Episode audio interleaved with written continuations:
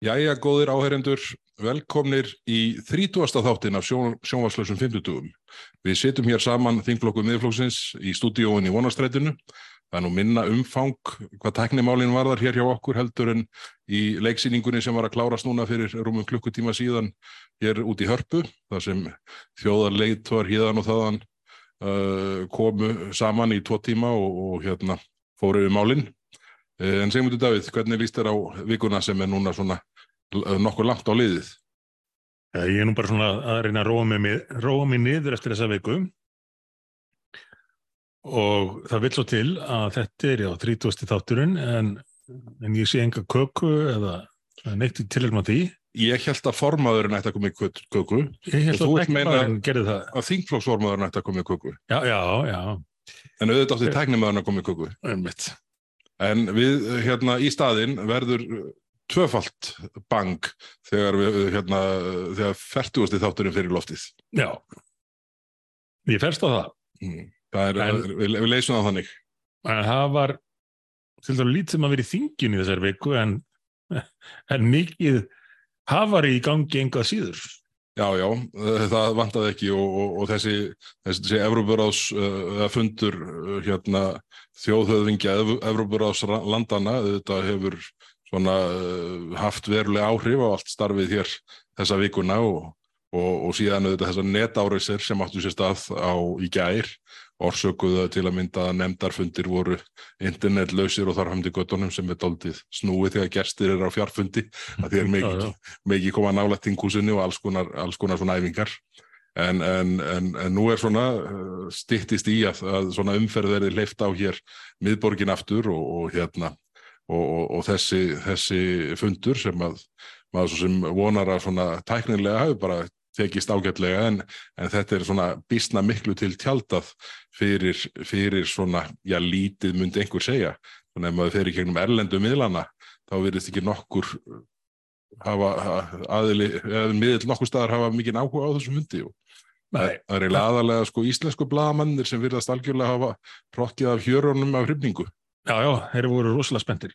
En maður sá eiginlega ekkert um þetta í erlendum miðlum og þó hefði ég nú fyrir því að leita, það var aðeins sagt frá því að, að Selenski hefði talað hérna á þessum fundi en svo, svo var annað mál sem við komum kannski aðeins inn á síðar sem að helst vakti aðtekli í Bretlandi og hefur verið til umfjöllunar í dag og í gær og var það því komu Súnaks eh, fórsetisráð þeirra Bretlands á fundin og, viðbrögð eh, íslenskra, íslenskra ráðamanna við því. Já. Sú- Súnak fór af fundinum fyrir en kannski margir gerði ráð fyrir. En við, Hann, hann fór bara á landibrótt strax í gær eh, í, Já, já. undir lok sko, ég veit ekki eins og hvort hann fór í dinnerin en hann allavega var flógin á hann landibrótt. hann hefur líklega ekki náð því. En við, við komum betur en að það eftir. Já, En allavega þá sáum við að, að þær voru afskaplega kátar á meðan á fundarhöldum stóð, fórsetis ráðferðan og auðvitaðrikis ráðferðan og, og virtust skemmta sér konunglega þarna með þessu eh, fræga fólki, en svona misfræktu þetta en En það En það skára var væri það nú að, að uh, vera ekki, að þeir væru gladar sko þegar þú ferð að halda partí fyrir marga miljardar. Já, já. Mm. Laðið þú ekki fram fyrirspurnum um kostnaðin? Jú, henn hefur ekki verið svarað sem er kostulegt af því að þá var beinlinni sagt þegar fyrirspurnin kom fram og, og var færið á milli ráðanita því fyrst gerði ég þau mistök að að senda fyrirspurnina til fórsættisráðurra og fórsættisráðurra sagði nei, nei, nei, nei, ég er ekki með þessar upplýsingar, utanengisráðurra er með þær. En þær er alla tilbúnar. Spur ég utanengisráðurra og ég spur utanengisráðanitið um kostnaði við þetta og síðan eru liðnir nokkuð margir dagar. Já, já. Það verður ávart sjá, sjá niðurstunum á því. En byrjum að byrjun fundarins. Menn voru tvístíðandi í ráðherrabústanum hérna, uh, skamt frá á meðan beðið var eftir Úrsulu von der Leyen Já, og setja framkvæmdastjórnar Evrópusambandsins. Og uh, hún átt að hitta Katrín Jakobsdóttur, einhvað senkaði nú flýinu hjá Úrsulu, en hún mætti og uh, steig beint út úr uh, þóttunni hérna á, á Reykjavíkulflöðulli gerir ráð fyrir og, og var komin nokkru mínútum setna í ráðherrabústæðin Svo rættu þær málinu stuttlega og heldur svo bladamannafund. Og á þessum bladamannafundi uh, tilkynntu þær báðar með mikill í kæti að búið verið ná samkómulagi uh, og, og leysa úr uh, ágreiningi vegna áformaðra ofurskatta á flug. Já, já. Þetta er hluta þessu fyrir bara fit for 55 hvað er þetta kallað á Íslandi losunar heimildir vegna flugs og fleira. Þessi loftslagspakki Európusambatsins. Já, þessi risa loftslagspakki og hluta því er flugið og mjög auknar álugur á flug með það markmiði að neyða sem flesta til að hætta að fljúa af því þeir muni ekki að verna á því og að nýta þá frekar jafnbröta lestar. Já. Og þetta vildi Evrópusambandi leggja okkur. Uh, Íslenska ríkistjórnin áttaði sig nú að því, hugsanlega með aðstóð, að þetta færi alveg sérlega illa með okkur og myndi uh, rústa stöðu Ísland sem uh, tengi miðstöður í flugi hérna á Allandsafinu. Því að hlutværslega kemur þetta langt vest út fyrir okkur og það erði miklu ódýra að fara aðra leiðir en að þetta myndi, myndi rústa fyrir stöðu og ráðferðarnir margir hvergir, sögðu ítrekkað í ræðum og í svörum með fyrirspurnum okkar að þetta væri svo hrikalega stort mál, þetta væri stærsta mál sem hefði komið upp vegna eða samningsins og myndi hafa slíkar afleðingar að, að það mætti ekki samþekja þetta. Það kæm ekki til greina að samþekja þetta í núverandi mynd. Já, svo nýttu við alltaf við. Man kemur ekki til greina samþekja þetta óbreytt. Óbreytt var það, óbreytt, já. já. Og þetta ringdi alltaf smá viðvörunarbjöllum hjá mér vegna uh, þess að ég þekki þetta fólk og uh, það hefur nú kannski ekki verið þekkt fyrir að standa í lappirnar hvert Európa-sambandinu þótt að væri hugreistandi að heyra ráðþurruna tala um að þetta væri algjörlega ótækt og þeir varu fullkomlega meðvitaður um að þetta myndi hafa ríkalegar afleðingar í för með sér þá satt þetta alltaf eftir í manni orðið óbreytt það mætti ekki samþykja þetta óbreytt. Og einstað að ráðþurrarnir nokkur ekki, hvað síst uterkisráðþurran tóku alltaf sérstaklega fram að þeir færi á alla fundi uh, og letu fylgja sögunni að við vildum ekki vera stikkfrí. Það var orðið sem var oftast notað. Við vildum vera með Íslendingar í lofslagstefnu Európusambandsins sem er náttúrulega algjörlega afleitt fyrir okkur. Því ef svo stefna hendar ESB þá hendur hún okkur sannarlega ekki. En, en þetta var nálgurinn hjá þeim og ég reyndi nú marga oft útskýra þið, þið getið ekki farið svona í þetta því að þá hlusta Európa-sambandsfulltrúin á okkur segja að þið viljið fyrir alla muni vera með og svo komiði með einhverjar svona aðtúasendir og þeir eru að segja að þau ætla bara að vera með vilja koma fram var einhverjum aðtúasendum en, en það ger ekkert með það. Nei, nei, einmitt. Sem að síðan varð raunin. Það sem ég ótaðist uh, alltaf var að þau myndu uh, koma með einhvern svona málamyndasamning, einhvern gerfisamning samkomalag og þykjast hafa náð einhverjum árangri uh, og kynna það á bladamannafundi. Þú fórst inn á þetta í að minnst eitthvað einni þingraðu sem ég mann eftir. Við um ekki að klippa því hérna? Jú, ég hef nefnt þetta all oft örglega einhver tíman hérna í, í þessum þáttum og í fleiri viðtölum en ég hef nefnt þetta í viðtalinu ef þú átt klippu af því þá, þá getur við kannski Herru, við skulum rúla inn í gang núna fyrir algjör að tilviljun, þá er hún þetta hérna. Alltaf verðt undirbúin, Bergþór Ég vil ekki sjá koma út úr þessu er einhvað innan gæsalappa samkómulag, bladamannafund þar sem að kynnt er einhvað samkómulag og svo þegar farðir að rína í, þá, í það að þá sé allt, allt rugglið þarna inn í aðeins það. Þarna segir þetta og, hva, og hvað gerir svo? Já, Spólum fram um nokkra daga. Þarna var ég í, í uh, ansvari held ég við ræðu auðvitaðriksráþrans, mm. svo kemur hún aftur og segir ekki hafa þessar áðugjur við munum ekkert samþykja þetta óbreytt og þá kom ég aftur og ítrekkaði þessar ágjum mínar, áttu þá klippu líka? Já, fyrir algjörða tilviljun, þá er hún hérna líka. Skulum hlusta á hana.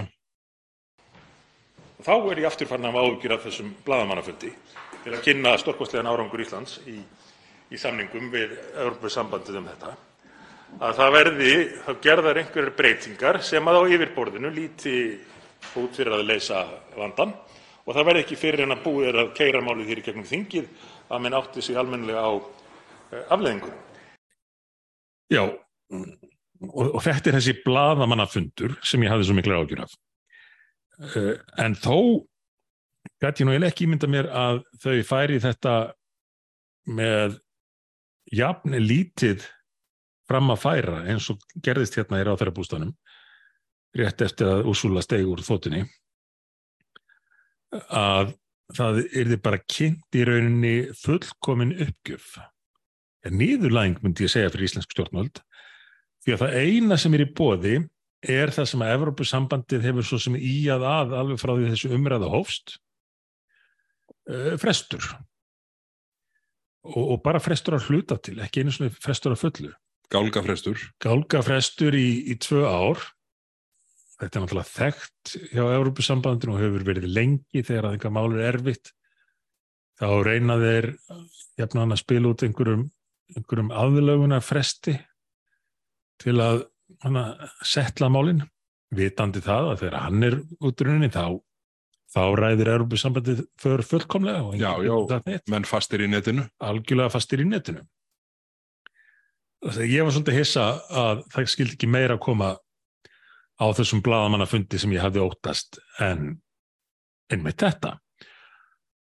Og, og það meiri sé að á tímabili þegar aðlugun er í gangi þessar reglur, þessi göld er ekki komin að fullast til framkvæmda á meðan við fáum hennar frest. Nei, nei.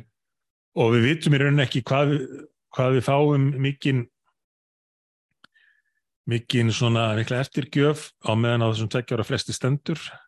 Á að henda í okkur einhver svona einhverjum smá losunar heimildum sem Ásúlaða reyndar ítrekka tók fram að þetta skipta á milli allra Þetta er ekki bara fyrir íslensku flugfélagin, þetta er fyrir alla sem að fljúa engað og því fáið einhvað svona smá í tvö ár að meðan að venjast þessu. Og þeir getið skipt því á milli. Þeir verið að skipta sangjarlega eins og kennar að tala við krakka sko með nammi. Já, já. En, en, og, og að þessum tveimur ánliðnum þá eru menn bara partur af þessu kerfi já, eins og það er, eins og það var samþýgt hvað 8. desember síðastliðin, ég man ekki, það var einhvern tíman í byrjun desember Það, já, það er búið að samþykja þetta. Það er bara eins og það er. Í, uh, það er búið að samþykja þetta í, í, í Evropatinginu, í leðtóaráðinu og í fangotastjórnini. Já, já. Það eina sem er eftir var afgreðsla í sameinlu EES-nemndin til þess að taka þetta inn í EES-samningin. Þannig að þetta er frá í ESB. Já, já. Klappa á klárt hvernig reglurnar er að vera, búið að vinna þessi mörg ár, þeir búin að samþykja þetta fyrir sittleiti. Og nú var maður bara að býða eftir því að, slagurinn er tekinn í sameinlegu EES-nefndinni sem okkur er nú oft sagt að þessi staðurinn, það sem eigi að taka slagina um það hvað Ísland innlefi. Já, já. Og það var beinleginns búið að sko flagga því gagvart okkur ég er í þinginu. Já, já. En það kvarlar ekki að mér að uh, fórsættisráður hafi ekki gefið eftir þau réttindi í þessu samkómulagi í sínu úrsöluvandi lægin. En það væri algjörlega fráleitt að fara að setja niður hælana í sameiglegu eðasnefndinni þegar nýbúið að semja um löst málsins. Ég meina hvort sem hún hefur meina... gert það formlega eða ekki, þá er hún búin að rústa samningsstöðinni. Já, já. Mætir tekur á móti úrsölu hérna uh, sakalega kátt og segir frá þessu brosandi, herri, það er nú bara komið hérna samkómulag. Það bara mun ekki áfæri. Og svo farin í sameiglegu eðasnefndin og berist fyrir hagsmennum Íslands þar. Það mun ekki gerast. Nei. Og, og þetta kallar á, á, á yngripp þingsins, nú verður þingja að setja niður hælna. Það vakti reyndir aðtikli mína að það kom í fram í máli fósitins að það var ekki, nei hérna fósitins ráðnars, það var ekki búið að samþykja til ríkistjórn. Ég skildi að þannig að það var ekki búið að ræði til ríkistjórn. Ekki búið að ræði til ríkistjórn. Hvað það í þinginu? Ég meina, það var engan áhuga að ræða við okkur. En það, það er ekki búið að ræði til ríkistjórn En það lág svo mikið á að geta sagt einhvað jákvægt á fundinu með úrsölu af því þetta átti alltaf að vera svo frábært brosinn á rauðardreglunum þurfti að vera öll í lægi og hérna famlaugin og allt þetta að það mátt ekki trubla það og þá er bara á nokkrum dögum ákveðið, herðu, það er þetta flugmál, segjum bara að það sé leist. En þetta finnst mér bara ekki hægt. Og ég skal alveg við ekki hana, mér er búið að vera svolítið heitt í hamsi yfir þessu. Uh, og við erum ekki að tala um eitthvað mál sem að við höfum bara verið að, að einir að grúska í og benda á hversu hættulegt væri, við höfum haldið með efnið, en þau hafa sjálf hérna ráþurannir ítrekka sagt þetta má ekki í gegn. Þetta bara má ekki í gegn Nú má þetta fara í gegn bara tveimur ára setna.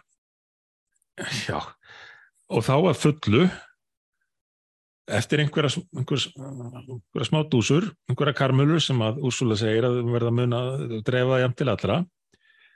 Visser hlýtur að fá sinn skamt og hverju fleiri. Já, já.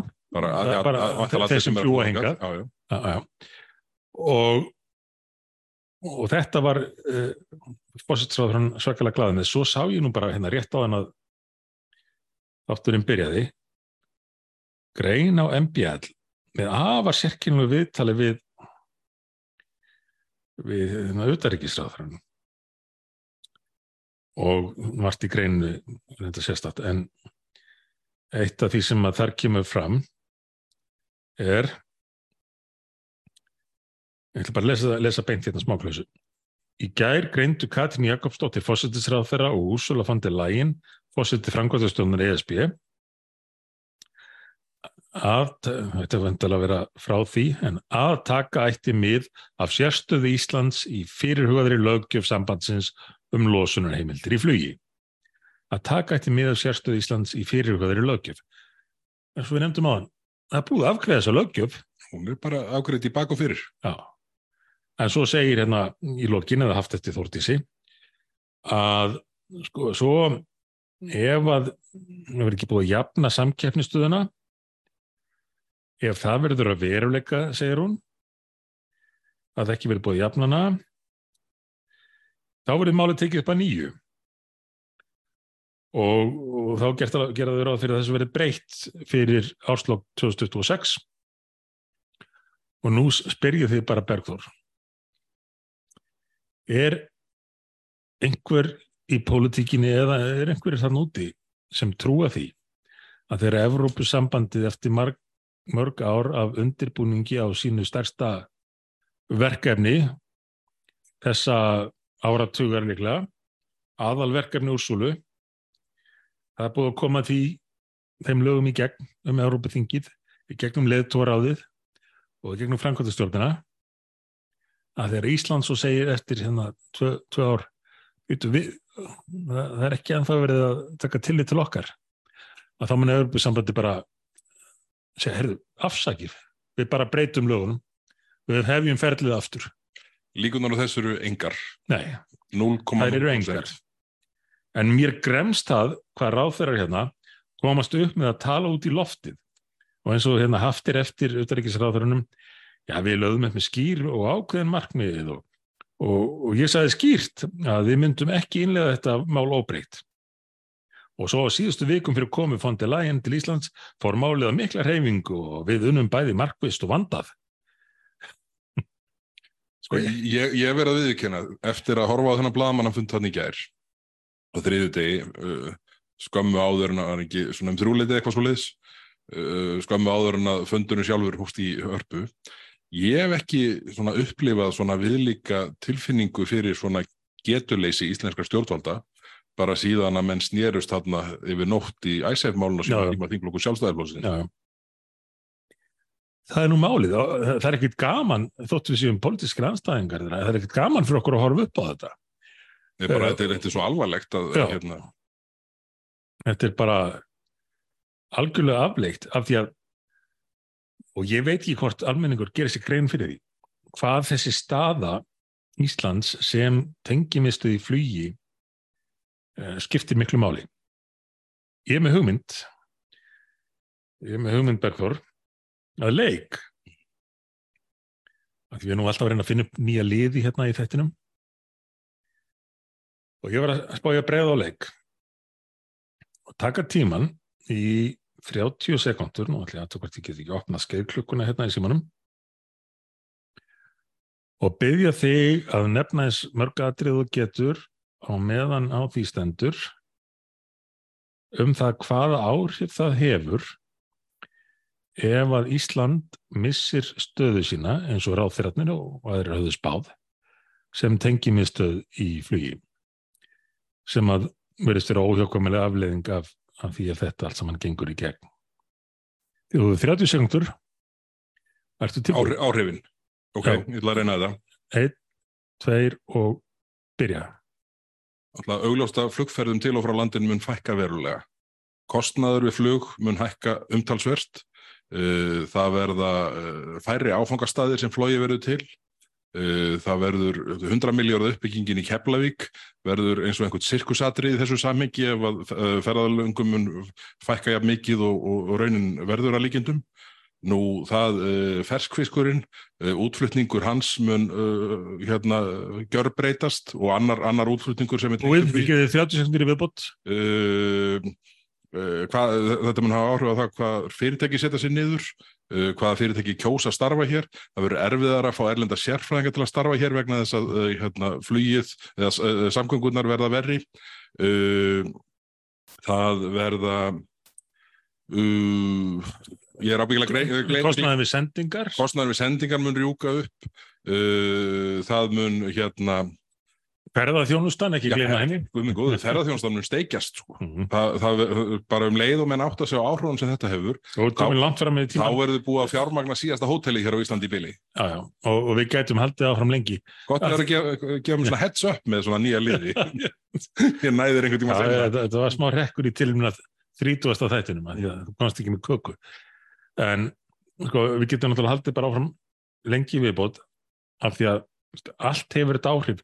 Ef ferðarþjónustan uh, er ekki standi, þá, þá fara Já, veitingastæðum veitingastæðinu, já, við glemdi þeim. og veist, þetta veltist svona áfram. En að það er fátt sem gæti á einskömmum tíma haft eins mikil áhrif eins og það eða það er bara skorið á tengingu við landið. Já, já. En þetta fólk sem er að skipulega þetta allt saman, þannig út í Európu og undirsátar þeirra hérna í ríkistöndinni, þeir bara vilja ekkert að fólk sé svona mikið að þvælast. Mæta reyndar hérna á einhvað þóttunum sínum og lenda á Reykjavíkulflugulli og Segja okkur að hætta að fljúa. segja okkur að hætta að fljúga. Þeir vilja ekki að fólk sé að fara í fara til tenni og uh, helgarferðir hingað og fangað. Hvað hefur þú að gera til Prag, hugsaði nú antala um, um einhvern Íslanding en Getur ekki bara tekið lestina? já, mitt þannig að þetta er semst bara aftur hvart til fortíðar það er bara þeir þeir, þeir efnaðri sem að eiga að fá að eiga bíl og eh, og feðast til útlanda samkvæmt þessu nýja regluverki Európa-sambandsins En talandi um regluverk Európa-samvatsins, uh, færum okkur úr uh, losunar hérna, flugskottunum. Þá er bókun 35, hún hérna mallar á færibandinu. já, Sko hvað hérna, það er nú búið að uh, morgunblæði tók þetta upp í leiðara í morgun, uh, mikuldagsblæði vikunar. Uh, það er, uh, mér finnst svona umræðan vera þéttast hvað það varðar að, að menn átta sig á alvarleika þess sem er í pípunum og ríkistjóðin ætla sér að koma í gegn. Hvað, hérna, nú er verið að ræða þetta, ég, ég er búin að býða eftir upplýsingum núna í töluveran tíma varðandi ími samskipti uh, Reykjavík, nei, uh, auðvitaðingisráðanetsins við, við uh, ESA, fæ þau ekki, hvernig, hvernig, hvernig er svona, hvernig gengur að vinna þetta mál áfram og fá upplýsingar fram í, í, í auðvitaðingismálanemndinu þar sem þú situr. já, ég er nú að leita eftir sama gagni og, og þú og að ítrekka það Er það bara þannig að við þingmenninni tveir, ég, mm. þú sem fulltrúi í auðvitaðingismálanemnd og ég sem, sagt, sem almennu þingmaður, ekki í auðvitaðingismálanemndinni, að sækjast eftir sama sömu gögnunum úr já, og hann báði nei. ég ekki nei þetta er alltaf í vinslu Já, ég, fekk, ég fekk nei, þú veist nei, já, ég hef bara beint nei. Ég, ég hef ekki lendið áður síðan ég kom inn á þing fyrir núna uh, að verða, hvað, hætti í sex ár síðan. Og bara nei. mm. Býtu, hvernig maður það vera? Ég, það var bara hérna tekin einhver förðu snúningur með vísan í upplýsingarlög um hérna það sem því var hafnað það sem ég, ég, ég, ég, uh, ég ætla að fara svona að gera aðra allugu núna og svona þrengja gagnabeðinina Mm. en, en það er auðvitað alveg ótrúlegt að í þessari umræðu, umræðu fáum við þingmenn til að mynda ekki að sjá uh, bref auðarrikiðsráþurra frá því við erum núna, ætla þess ekki að fara allir þrjú ár síðan það var sendt, sem var á milli 20 og 30 blað sína langt þar sem sjónamiðum ESA í þessum efnum var öllum ví- vísa frá og það príðilega raukstutt og, Mhm. og maður hlýtur að spyrja sig býtu, hvað hefur gerst, eru rökir sem þar voru sett fram orðin úreld? Hvers vegna, hvað gerðist? Þetta, þetta er nú alveg stóra merkilegt og í rauninni bara undalegt að, að menn með ekki sjá þetta þegar verður að ræða mitt þetta mál. þetta er, þetta er algjörlega fyrir niðan allar hellur og, og ég, ég uh, bara skil ekki hvað auðvitaðingisráðanetinu gengur til í þessum efnum. Því að það er, það er þannig að, að sko það að auðvitaðingisráðaneti hafi bara, í, e, þetta, þetta er sko sömu flokkar í ríkistjórn. Já. Þetta var í tíð Guðlaugs Þór- Þórðarssonar. Þá er þetta bref skrifað og sendt og fólk sem hefur lesið það segir mér að þetta sé bara mjög þjættur og öflugur raukstunningur fyrir því hvers vegna eh, ekki sé ástæði til þess að fari þá vegferð sem að núverandi utengilsráður hefur lagt í hvað bókun 35 varðar. Já, En við fáum ekki að sjá þetta. Maður hlýtur að spyrja sig, mm. Mhm. hvað í þeim rökum sem þarna voru sett fram hefur úrelst eða breyst á þessu þryggja ára tímabili? Ég held að það sé ekkert, er annað en að menn hafa bara ákveðið að lippast niður. En af hverju er þetta alltaf að gerast á sama tíma? Við erum nýbúin að tala um, um þannig nýja, nýju fjárfestingareglunar, menn með ekki lengur fjárfesta í einhverja landsbyðinni hérna nema Með leifi frá 20 kontoristum í Brussel. já, já. Og svo sem ekki annars þar á landinu heldur en, en við höfum mestar á að gera hvað árið þetta hefur á landsbyðinni. En svo ke- kemur þetta með 35, bókun 35 og svo vilja þau keira í gegn núna máli sem þau svo, svo það væri sko stærsta áhugjefnin frá því að EE samningurum var gerður. Hvað er í gangi þannig? Já, já. Þetta er, uh, þetta er, það er það er furða og spyrjir. Þetta er hérna, uh, sko, það, það er svo mörg mál sem eru í gangi núna sem að er algjörlega furðulegt að formaður og varaformaður sjálfstæðarflóksins keiri áfram sem eru í rauninni annarkvort að reka hotnin í stjórnaskaruna eða uh, svona uh, berja fætundunar undan fullveldi landsins Mm. og, og, og, sko, og sjá nú bara rifjum upp sko, uppákomuna sem varði í utanriksmálunemnd og var nú ágætlega farið yfir í morgunblæðinu þegar uh, þar var hálgert valdarán eða tilraund gerð til þess að keira bókun 35 í gegn bara innan vikunar þegar uh, formaða nefndarinnar var stattur út í Strasbourg ef ég mann rétt, allavega erlendis. Er er svo, það, það er svo margt skríti núna að, að það eitt og sér uh, hlýtur að vekja mönnum svona, já, upp, maður minnst að vekja menn til umhugsunar. Það ætti að gera það. Það ætti að gera það en maður velti fyrir sér eh, eins og þingflokku sjálfstæðisflokksins þú eru ekkert að spyrja spurninga eða segja neitt eru menn bara álutin dofnir eftir að Halda þeir bara Björn Levis í búum með alla spurningarnar? það er engin, er engin Brynjar Nýrsson eða Sýrir Andersen þarna lengur sem að þú eru að, að spyrja er þið nú alveg vissum að þið séu réttir í leiðina Nei, þau losuðu sig við þau, það hefur Já. vantarlega verið til þess að hafa þinglósundina þægilegri. Vantanlega, já. Já, það, þetta snýst þá bara um það, já. Og að fljóta með og ef þú gerir það, þá getur þú haldið partí í, í tvo daga í hörpu og, og reynda að koma þær á, á framfæra á heimsviðinu. Gárungarnir segja að þetta sé dýra statunu viðtalsögunar, minnstakast á Íslandi. Við myndum ekki segja það. Nei, við myndum aldrei se- segja slíkt.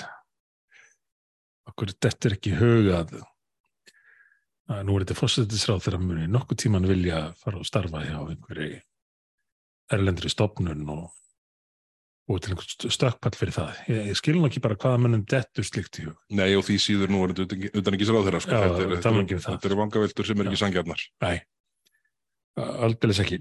En, en uh, uh, á, áður en við alveg ljúkum þessu brjálaði með, með ofur, ofurskattan á flugið þá vildi ég bara benda á það því ég glemdi glærunum mínum en ég er búin að finna það hérna í símanum. Ég er nú fann að læra að googla eins og þú Bergur Já, þetta er mest að fyrða hvað þetta virkar vel þetta, hérna, þetta apparat Google. að fósittisráð þegar hann sendi með brefinu sínu til Úrsulu í fyrrasumar.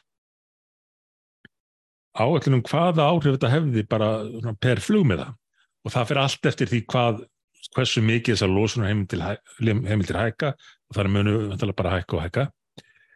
Uh, og uh, eins eftir því hvernig gengur að þróa þetta nýja eldsneti, ekki solblóma eldsneti eða hvað er vilja að nota. Jú, það er eitthvað svo leiðis.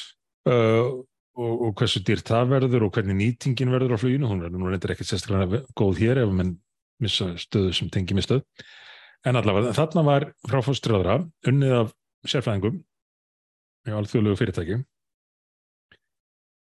búin til samanbörður á því hvernig myndi þróast kostnæðin með að fljúa uh, Milano New York. Og strax ánum 2025 væri búið að bætast við 48 eurur uh, á mann á Íslandi, er að þú, ekki á Íslandi heldur eða á milli lendir á Íslandi. Já, uh, ég veit ekki hvað þessir styrkir ef það er rétt orðið sem Úrsula ætlar að gefa hérna á árunum 25 og 6 hvað áhrif þeir hafa á þetta. En allavega, samkvæmt þessu var, var, var það komið í 48 uh, millilending í uh, flug með millilendingu í París 22 eurur verðin helmingi minna. Uh, beint flug 5 eurur og millilending í Breitlandi 1 eura já, já. ok, þe- þetta er nokkuð sláandi uh, og einhvað ætlar Úrsula þarna kannski að ég veit ekki hvort þetta þessar 48 eurur fara í 40 eða hvað.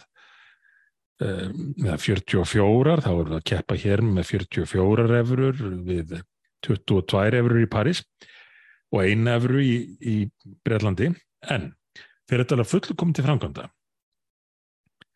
þá er áallega hérna í brefi fósættisræður Íslands til Úrsulu þegar þetta fullu komið til framkvæmda þá sé viðbótar kostnaðurinn við þetta ferðalag ef millilendar á Íslandi 245 eurur Já, ef millilend verður í Breitlandi 26 eurur tífaldur Já. munur. Og þetta samkúmulag en að gæsa lappa sem þeim kynntu það breytir því ekki neitt. Kannski hefur það smá áhrif hérna á árunni 2025 á 48 eururnar en svo bara fyrir þetta í framkvæmt og þegar fullu komið til framkvæmda 245 eurur versus 26 eurur sem að skýrir hvers vegna íslensk stjórnvöld og við og stjórnkerfið og allir sérfæðingarnir komist að þeirri niðurstöðu að þetta muni rústa stöðu Ísland sem tengjumisstöður. Það bara blasir við að mun gera það. Það getur ekkit annað gerst. Nei. Þetta er alveg rosalegt. Og, En þetta á við um fleiri en flugið, sko. Já, já, Það má ekki gleyma því. Þetta er bílarnir og allt og, og það er fleira, það er nú alltaf verið að leggja nýjar álögur á, á bifriðegendur og gera þeim lífið erfiðara. En nú eru frétt, enn einar fréttir af, af uh, áformum um að gera bifriðegendum lífið leitt. það er bara virðist, þetta virðist engan enda ætla að taka sko og, og, og, og þetta skiptið er það ekki Dagur Bjægersson. Þetta hérna, nú er það bensínið, nú er verið að fara hérna, nú, nú er verið að skipta út bensíninu sem við þekkjum 95 óttaninu fyrir eitthvað sem að, er ekki hérna E10 eða eitthvað svo leiðis. 95 óttan E10. E5 og E10 Já. og, já, já. Það er verið að brey, dæla sagt á, eða blanda áfengi etanóli í bensínið til þess að þinna það út og, hérna, og en málið er að áhrifin af þessu verða bara eins og með áfengi og okkur mennina Mm. að menn verða þunnir daginn eftir eða þeir fá sér á mikið og það sem sko er að verða að segja okkur frá núna er að þetta getur haft mjög neikvæð áhrif á bíla, sérstaklega bíla sem eru eldri en ég held 2010 hafi verið árgerðin sem ég heyrði nefnda. Má ég skjóti í? Mm. að því ég er svona ég segi, ekki sé mjög flugrættur maður en samt, mér er ekki alveg sama þetta er það sem ég líka á að gera með flugvélarnar með alltaf svo sólbróma olíu þegar farður að banda henn út í eða hvað þetta verður Já, já, þetta er, ég, ég þóra nú ekki eins og að hugsa það, en, en sko en þetta, þetta liggur fyrir með bíluna það er bara að er, rannsaka. heyrðu, þetta er bara komið á allar stöðarnar hérna á höfðborgarsvæðinu. Mhm. Þetta er kannski á einhverjum nokkrum stöðum út á landi en þá uh, betra bensinnið enn til staðar, svona það sem veltan er minni. En, en, en það er bara beinlínist þannig að, að ef að þessi dælt á bíla sem eru eldri en 2010, þá getur þetta haft þau áhrif að þeir bara beinlínis skemmast. Hmm. Og þetta er bara gert uh, á þess að sko flagga nokkur staðar því, því sem er að gerast og mögulegum áhrifum og, og, og þe- þetta er og allt er þetta kert áfram af einhverju svona meintri hérna loftslags hugsjón en sko hver ætlar að borga reikningin fyrir það að skemma skemma hérna hluta bílaflótans já, já. ekki verður það skeljungur ímyndaði mér. Eða, eða orkan eða, eða ekki verður það svona Sko, þetta er alltaf sem bókinu var lært uh, uh, menn taka einhverjar ákvarðinir og ábyrðin á að leggja annar staðar. Eins og þetta sem við rættum hérna fyrir part þáttar. Stjórninni virðist finnast allt í lagi að eigða endalessum peningum íta undir verðbólgu samþykja alls konar mál frá Evropasambandinu uh, þó að áhrifin kom bara í ljós síðar ef að það gerist ekki fyrir en eftir tíð þessari ríkistjóðar Já, já, það er cut-offið. Þá eru bara einhverjir aðrir sem verða að sjá um það. Heyrðu, þetta er svona ákveðin ákveðin sjálfhverfa í þessu Herðu, það er hérna, uh, ég fór inn á FIB, heimasíðu félagsvíslenskra bifriðeiganda, FIB, og þar er aðgengilegu listi yfir bíla sem get ekki notað E10 bensín, já, E10 heitir það. Og það er bara hérna, uh, hérna ymsa tegundir. Og það er Alfa, uh, Romeo, Audi, Chevrolet, Daewoo, Chrysler, Citroen, Dacia, Dodge, Fiat, Ford, Honda, uh, þegar við? Á, já, Jeep Lancia Lexus Mercedes-Benz. Porsche sýnist mér. Renault Seat. Hvað er eftir? ég, það, þetta er sko þetta er alveg uh, Toyota.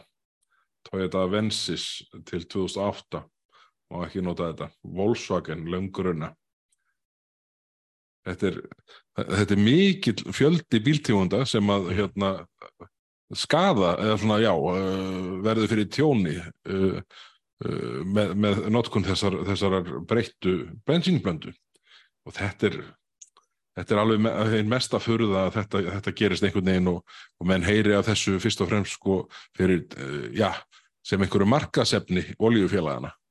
Já. En oljufélagin eru náttúrulega flest búin að breytast í fastegnafélag, verða ekki? Jú, reyndar, þannig að, Samráðið við dag, ekkert svona, þannig að það er sem kannski ekki, ekki... losna við bensinstöðar.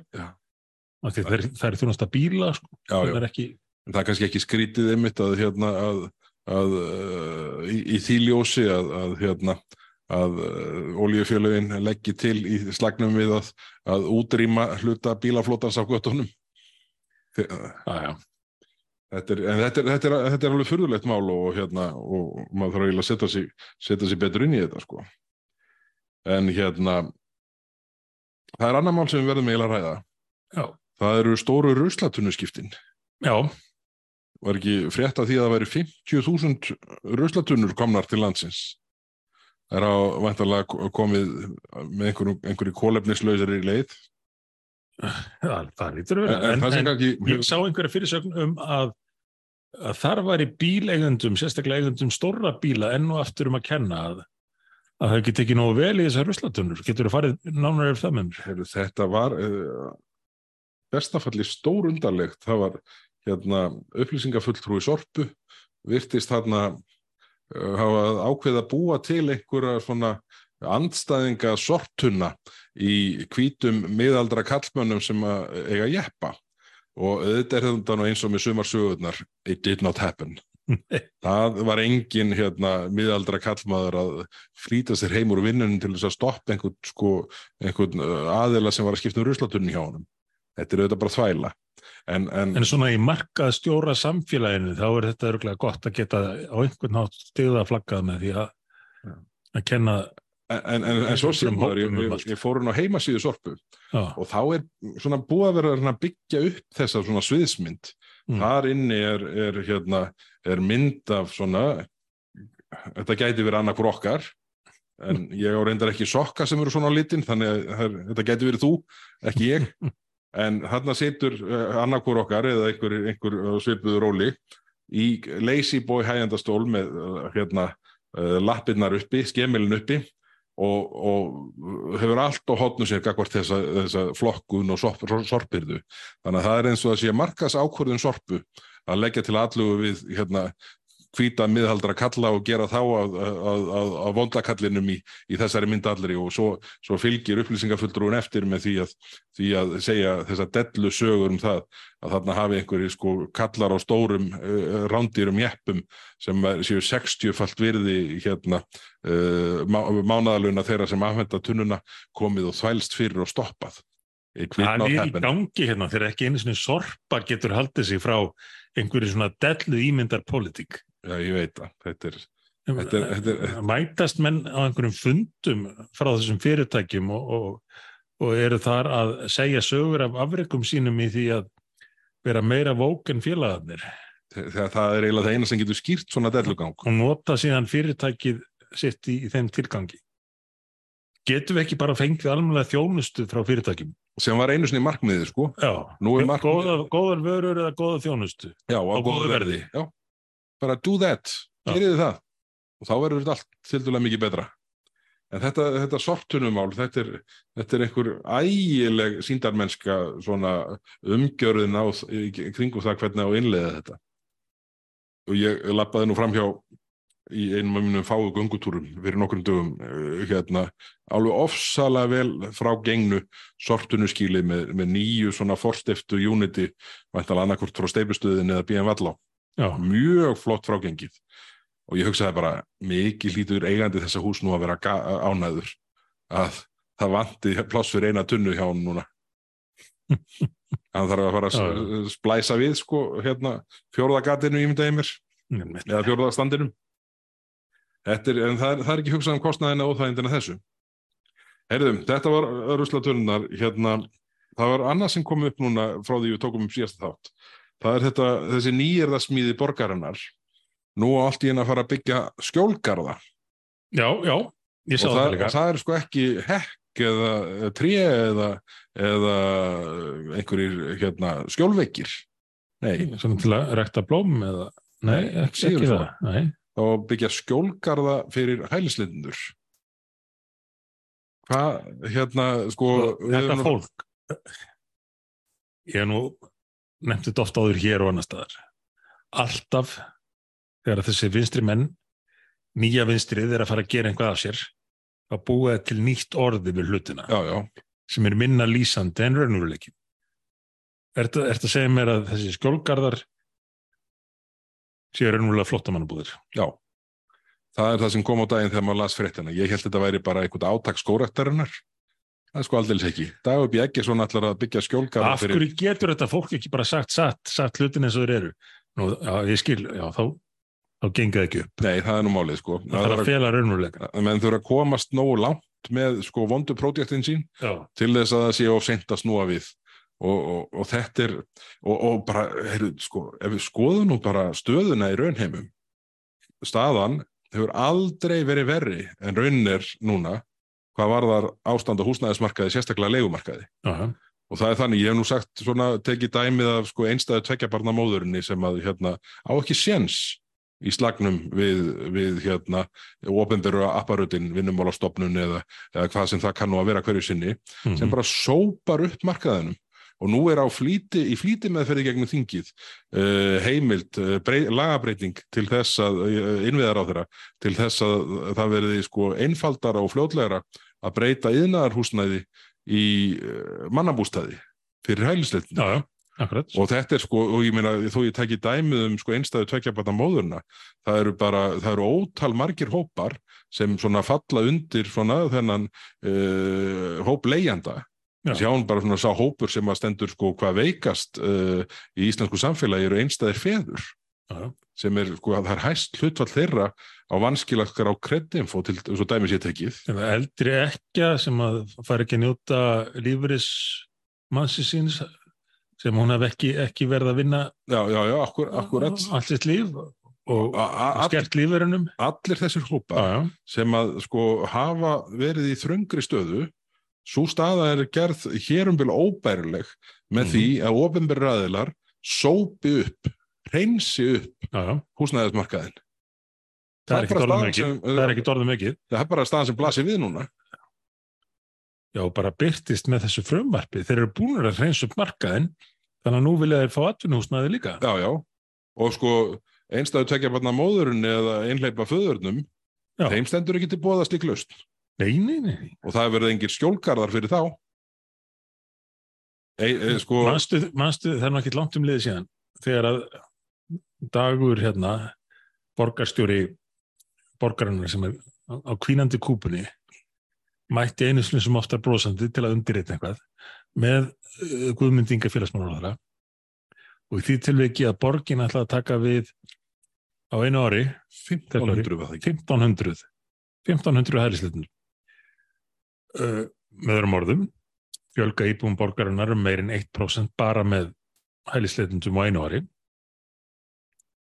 hafði ekki hugmynd um hvernig hann ætlaði að gera það Heru, þetta er nú annað sem ég hef ekki fengið upplýskar um. Ég óskaði eftir afreita þessum samningi milli Guðmundar Inga uh, félagsmálar á þeirra já, og borgarinnar. Það er gott, að, gott við nefndi þetta. Ég, ég þarf að punkast í því núna á næstu dögum að, já að draga, draga fram þá samlinga því að ástæðan fyrir því að þetta skiptir máli er að það sem við rættum í síðasta þætti um uh, þessi 22 herbyggi sem eru verið að taka á leigu í, í Jóðællhúsinu fyrir hvað var það, 193.000 á mánuði hvert herbyggi. Já, Það kom fram í frétt að kostnæður við þetta fjalli undir þennan samning við þúð ofinbera um skipulaða sam, samrandamótöku flóttamanna. já, já. Þetta er ríkisjóður að blæða þannig í þessum samningum að mótaðalinn getur leikt eitt herbyggi á 193.000 á mánuði. Ég er bara að fá að vita ef það er verið að brenna skattpenningunum okkar þannig.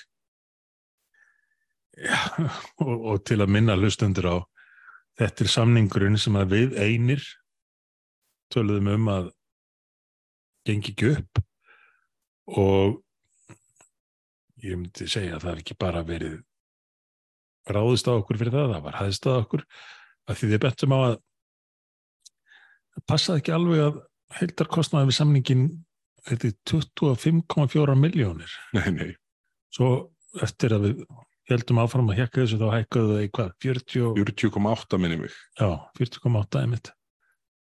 Svo, svo sagði Guðmundur Ingi frá því núna í, í ansvari við mig nýlega Já, að bara sko viðbótar kostnaðu þess árs já, ofan á grunninn sem hann fyrir og það er í 900 miljónir vegna þessa. Já, og ég bara er ekki búin að sko, mér hefur ekki unnist tími til þess að skoða sko hver tala síðast árs var. En viðbótin á milli ára 900 miljónir og þetta eru þetta bara eins og mess og margt annað. Þetta er allt orðið fullkomlega stjórnlust. Stjórnleysið er víða í, í, í, í þessum málefnum hælisleitenda og, og ólöglegs smikls á fólki þar sem að fólkum víðan heimir gert að fornalömbum stórhættulegur glæpagengi eins og við höfum oft nefnt hér að, að það ríkir stjórnleysi á Vesturlöndum en þó erum við sumstaðar að reyna að taka einhvað á því og meðal hans í Breitlandi. Þar hefur uh, Súnak, uh, fórsettisráþurann, uh, reynd að nálgast máluna svona aðeins á, sama hátt og dönsku jafnaðamenninir. Hann segir, við megum ekki hafa kvata, við megum ekki hafa svo segla til þess að fólk leiti hingað að sækjum hæli. Það þarf að sækja um annar staðar þannig að við höfum stjórn á okkar landamærum og getum valað að hjálpa þeim sem mest og best sem er í mestri neyð. Og hann hefur gert það einu helsta áherslatrið sín að ná stjórn á landamærunum og sérstaklega hvað var þar fyrir hann gríðarlega ströym yfir Ermasundið á, á bátum. Bretaðnir blessaðir, þeir hafa nú reyndið eitthvað að borga frökkunum fleiri, fleiri hundruð miljóna prunda held ég uh, fyrir það er einn að hafa stjórnað þessu sínmein það gerist ekki þar. Bátarnir bara halda áfram að koma og þeim fjölgar fyrst og fremst ungir karlmenn uh, í leitað betri lífskeðum ég held að veri þannig í fyrra að um þriðung var albaníumenn og uh, að öðru leiti að miklu leiti frá, frá miðausturlöndum og, og, og frá sunnanverðri Afríku eða sunnan Sahara. En eh, sérstaklega með albaníumenna þá komist að því að, að margir þeirra væri sendir af stað af einhverjum albanskum gleipagengjum og ætlast til þess að þeir framkvæmdu ákveðin verk í Breitlandi fyrir þá. Hvort sem þeir voru innvíðir í einhverja albanska mafíu eða bara einhverju sem að einhverju strákar sem að langaði að að leita sér að, að betra lífi en þurftu þá að að ofur, verða ofur seldir þessum mönnum. Já, já. Eh, fyrir viki þá þá voru margar ástæði fyrir því að breytatni vildu taka á þessu. Þeir hafðu leikt hótel rýmt þau þau voru að verða full. Þeir, uh, leiðið einhvern stóran pramma sem þeir fluttu frá Ítalíu sem var svona hótelprammi fyrir kannski 200 manns og fengur bátt fyrir. Að hvað viljið setja hælisleitundur á pramma en þó var þetta nú alveg, alveg ágættis aðstæða þarna og hefði kannski duða fyrir, fyrir það sem kom á einum degi Þannig að málið er orðið stjórnlust í Breitlandi. En ströyminu þangað hlutastlega er ekki til líkingu við strömmin til Íslands. Nei, nei. Það er sko alltaf að bera það saman. En þetta er eitt stærsta ef ekki allstærsta málið í breskum stjórnmálinn þessar dagana. Og ein af fáum fréttum sem ég sá um uh, þennan fund hérna á Íslandi Evrópu ráðsfundin allavega í aðdraðandanum var frett í, í Times skupum það að Súnak ætlaði að mæta til að setja þessi mál á dasgrá uh, og hann myndi tala fyrir því sem kallað var höfðstefna Breitlands í, í hælisleitundamálum við komum kannski örlítið inn að þetta hérna, fyrir þættinum en en hann myndi tala fyrir hardri stefnu í, í, í málflokknum eins og það var orðað. Og uh, uh, auk þess fyrir breyttum viðmiðum til að takast á við vandan, takast á við uh, glæpastarfseminna sem þrýfst í kringum þetta og aukið alþjóðlegt samstarf til að taka á þessum stóra vanda.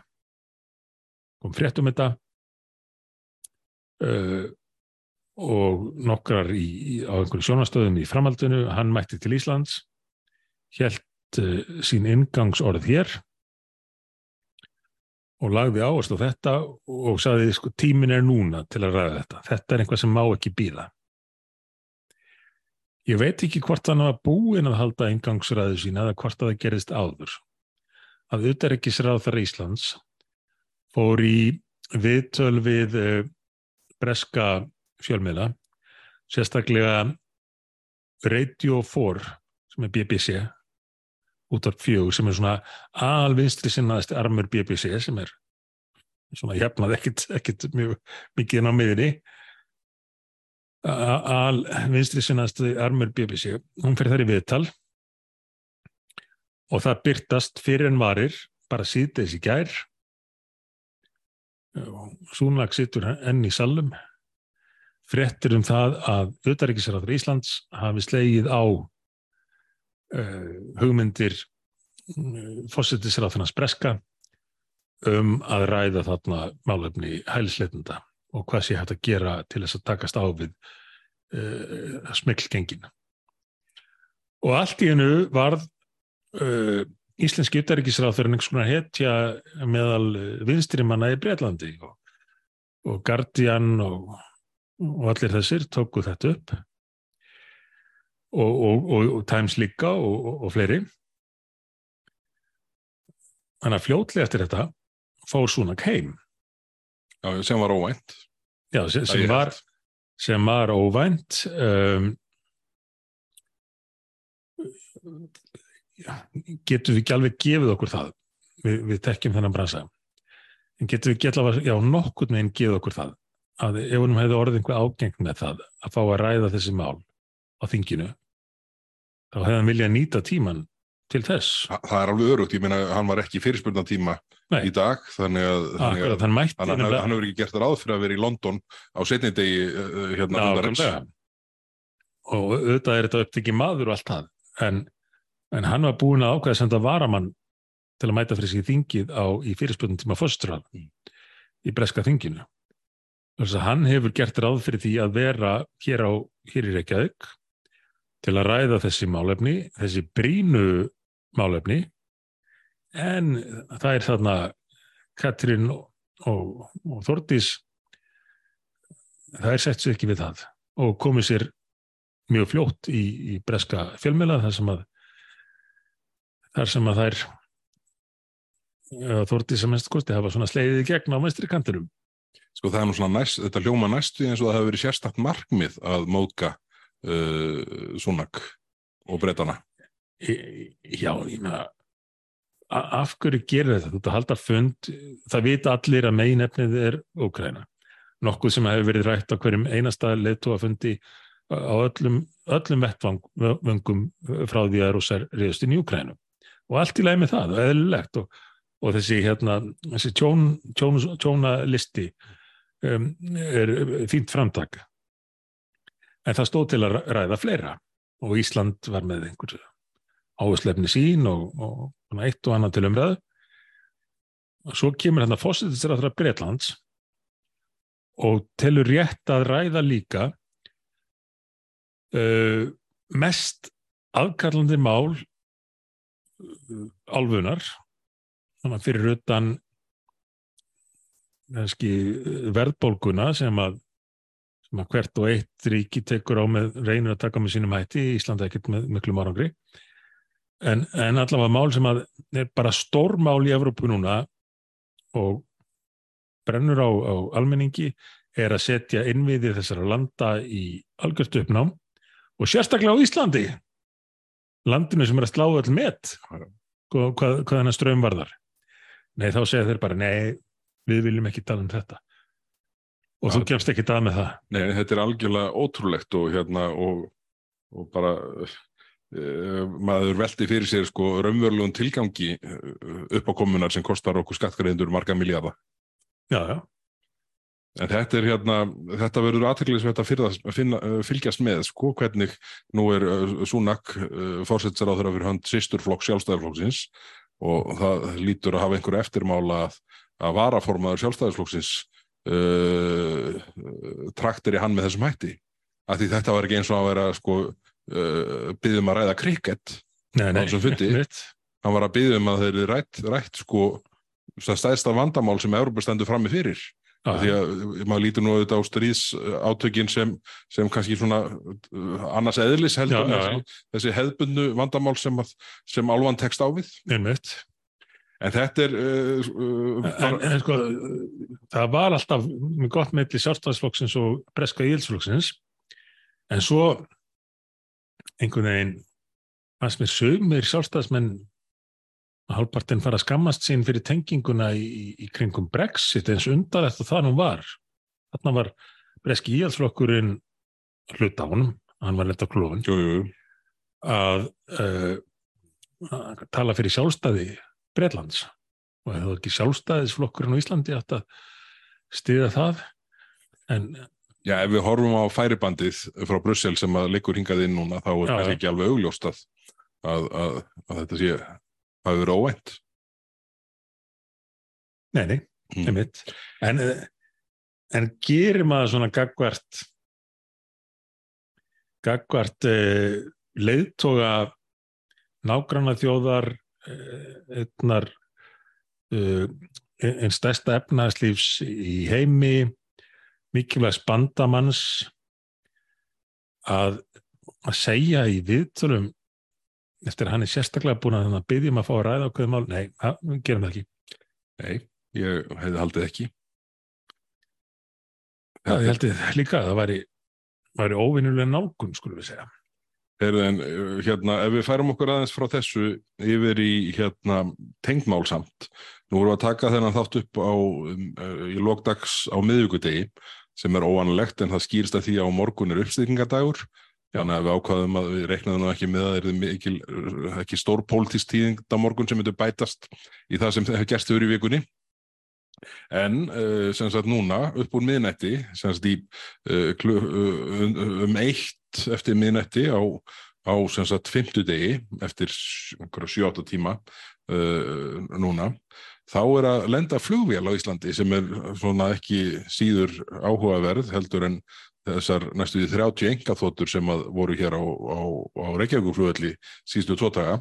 Það er flugvelin sem að hérna var verið að selja í ferðaskrifstofan frá Venezuela sem seldi flottamannaferðirnar og þú byrtir vídjóið af uh, söluræðunum á Facebook síðu þinni 12. janúari í mannrétt og þá var verið að selja í, í fer, flug sem að ferðaskrifstofan svo kallaða. Ferðaskrifstofan svo kallaða. lítið að baka þetta svo, þá var verið að selja í ferðalag sem mm -hmm. hófst í Caracas. Þetta er ekki Caracas uh, uh, í Venezuela og það var flóið uh, til Madridar og beðið þar á flugvellinum dágóða stund. Og síðan uh, fer fólkið væntal upp í vél eftir einhverja 2-3 tíma og flýgur til Íslands og lendir hér upp úr miðnætti uh, á miðgundagskvöldið ja, í byrjundags á fymti og þetta, ég rætti þetta á Jón Gunnarsson uh, í fyrirspilnatíma á mánundaginn og það kom mér að óvart hvað uh, stjórnvöld upplifa sig einhvern veginn og ráð þeirra uh, úrræðalaus í mhm. stöð eins og þessari. Það var bara eins og nú hafði verið fjallað um þetta skilja ótal mörgum fréttum og í, held í öllum fjölmiðlum þessa uppákomu sem var þarna í kringum þetta tildegna flug og það hittist nú þannig á, bara áhugavert að segja frá því fyrir þá sem er að hlusta að það var aðili sem að fóri gegnum bókunaferlið hjá, hjá þessari ferð, myndu ferðarskristofu á sínum tíma og fór alveg að þeim stað að það þurfti að borga fyrir miðan þannig að, þannig að við og, og let okkur fá gögnin þar að lútandi. Þannig að við fengum að sjá svona hvernig, hvernig kaupin gerast á eirin í þessum það var mjög áhugavert og, og, og nú er þessi, þessi vél sem var verið að selja í þarna að lenda eftir nokkra klukkutíma þegar við tökum upp þáttinn. Og það verður áhugavert að, að, að leggja út eirað á morgun hvort að hafi komið uh, skot frá Venezuela í gegnum Madrid með þessu flugi sem lendir. Þetta flug hvað heitir þetta?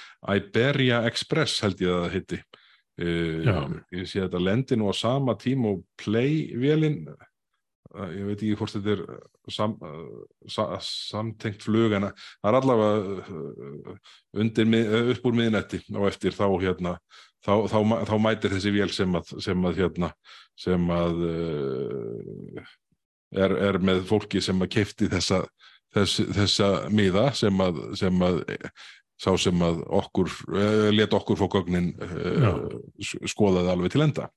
En, en það var sláðund að sjá hvað voru margir að auglýsa ferði til Íslands. Það var ekki bara þessi svo kallega ferðarskristofa fjöldin allir af aðilum mm. sem að svona kannski þóttust vera ferðarskristor og svo þegar að eins og þessi aðili sem að, sem að fór í gegnum þetta þarna uh, spyrjast fyrir þá kemur í ljós að þetta er bara spurning um það að selja aðgang að Ísland, Íslandi og íslenska kerfina. Já, já, já, það er nú bara þannig. Og þetta er þetta sko partur af þessu rísastóra vandamáli sem, að, sem blasir við okkur, já bara í rauninni allstaðar sem eru uh, hælindamálinu og svona svo stjórnlusa staða sem eru uppi þar svo víða. Það sem Súnag vildi ræða hér en fekk ekki og, og við höfum verið að ræða hér í, í þinginu og, og, og víðar undanfarið misseri. En í þessu samingi þá uh, lagði ég fram skriflega fyrirspur til, reyndar ekki tengslu við hælendar, heldur í tengslu við stjórnleysi í ríkisfjármálum. Og ég Já. lagði fram fyrirspur til, til fjármálar á þeirra fyrir nokkru síðan uh, og, og ég lagði fram, uh, ég gat nú farið nok svona nokkuð nærri sjálfur um hver talanirði en ég vissi bara að mér er ekki trúað ef ég heldi þessu fram. Mm. Ég spurði fjármálar á þeirra hver uppsafnaður halli ríkisjóðs væri fyrir árin 2020 til 2027. Mm.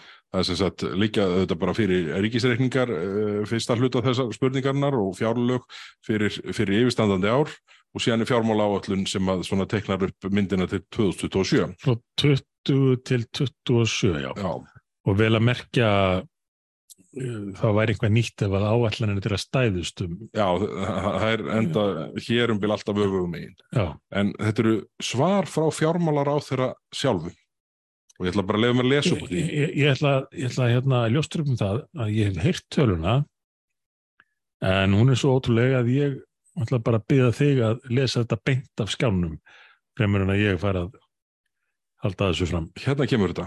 Uppsafnaður heildar halli ríkisjóðs árin 2020 til 2027 er áætlaður rúmlega 826 miljardar króna. 826.000 miljónir. Og þetta er að verla í hvers árs. Þannig ef það væri uh, hort til vísitölu þá væri þetta að fara að halla í 1000 miljardar. Eru er þetta að, verðlega hvers árs? þetta er búið, að- þeir eru búin að tapa fyrir, í gegnum ríkisjóð nokkuð með því samóð björgin sem þú dróst í bú hér.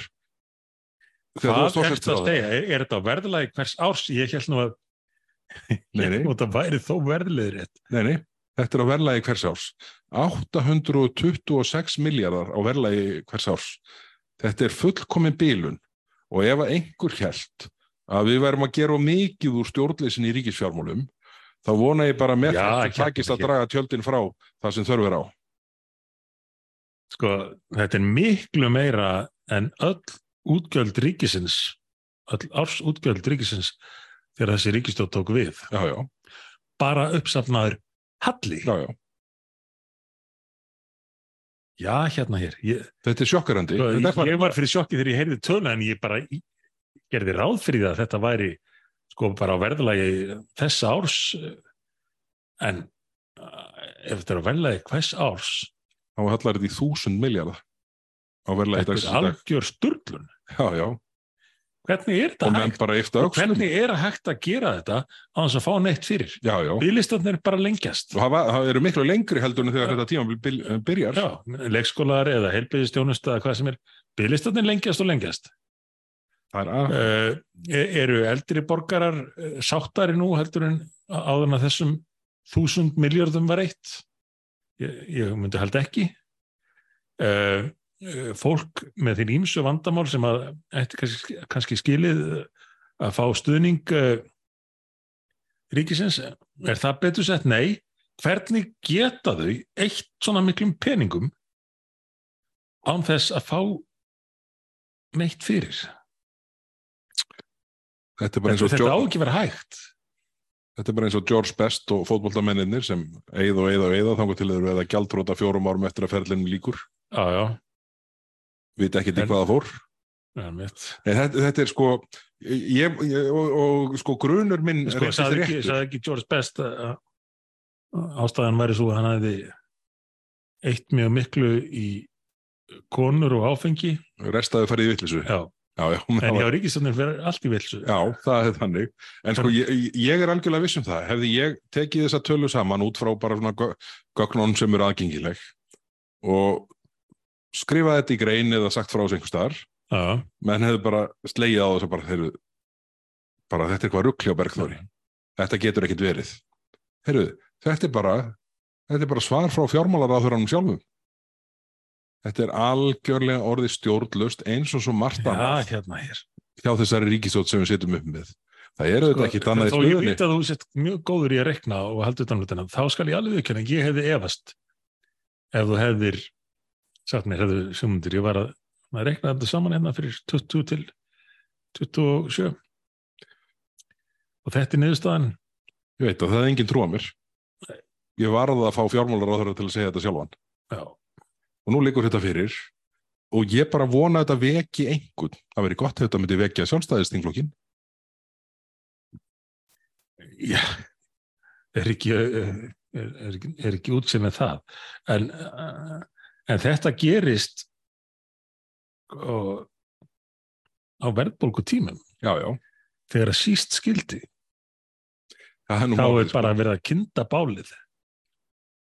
ég er nú bara svona í hugarekningi að slá á þessa tölu núna veist, verð leiðréttar til, til dagsins í dag þá er þetta þúsund miljardar En svo kannski heyrir þá er ég svona hálfvorðulaus. Þetta er, Og þó er, þó er þetta eitthvað sem að fylgjast með. Já, já, og, og reiknar nokkuð reglu en já, hérna hér. þetta er svona þegar, þegar upplýsingarnar eru tósaðar saman þá, þá geta þær orðið sjokkarandi og það er það, þetta er ekki endirinn á þessu. Fjármála áallaninn er að standast aldrei þær falla alltaf fram úr já, já, áallun en þau reyndar gera ráð fyrir að vera farin. Nei, ég veit ekki hvað þau gera ráð, hverju þau gera ráð fyrir hvort þau gera ráð fyrir að vera áfram en, en þau þá allan mynd- myndu auka á þetta en, en það sem, það sem mér svo sláandi við þetta fyrir utan það sem ég nefndi áðan um hversu lítið þau fengist fyrir er að ég get ekki annað en farið að hugsa til þess tíma þegar við vorum að reyna ná tökum að ríkisfjármálunum greiða niður skuldir. Það var, voru margar erfiðar ákvarðanir sem að þurftu að taka og við lofum fólki að þegar við værum komin í gegnum það þá myndum við fara að bæta upp á og svið.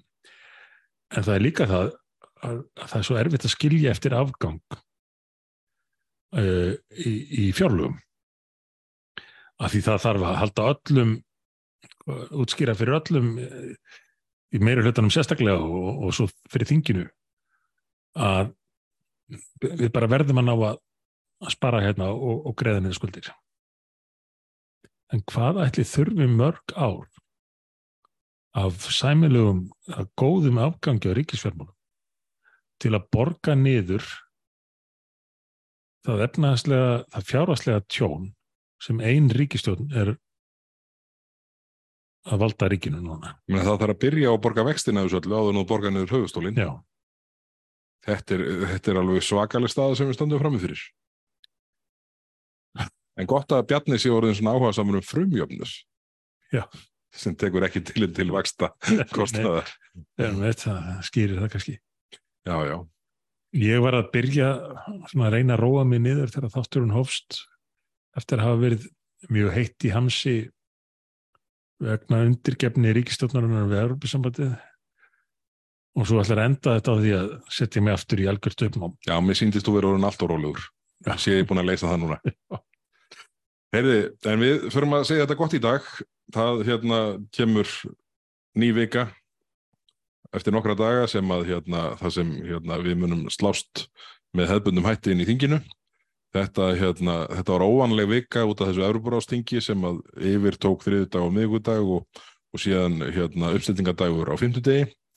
Og en, en hérna, ég er nokkuð viss um það að, að nú færist uh, fjör í leikin inn í þingi eftir að þessum Európarásfundi er, er eftir að hann er um garð gengin og, og ég er algjörlega viss um það að næsta fimmtudag þá verðum við hér með stút fullan þátt af áhugaverðum pólitískum álitamálum sem kom upp á næstu, næstu sjötugum.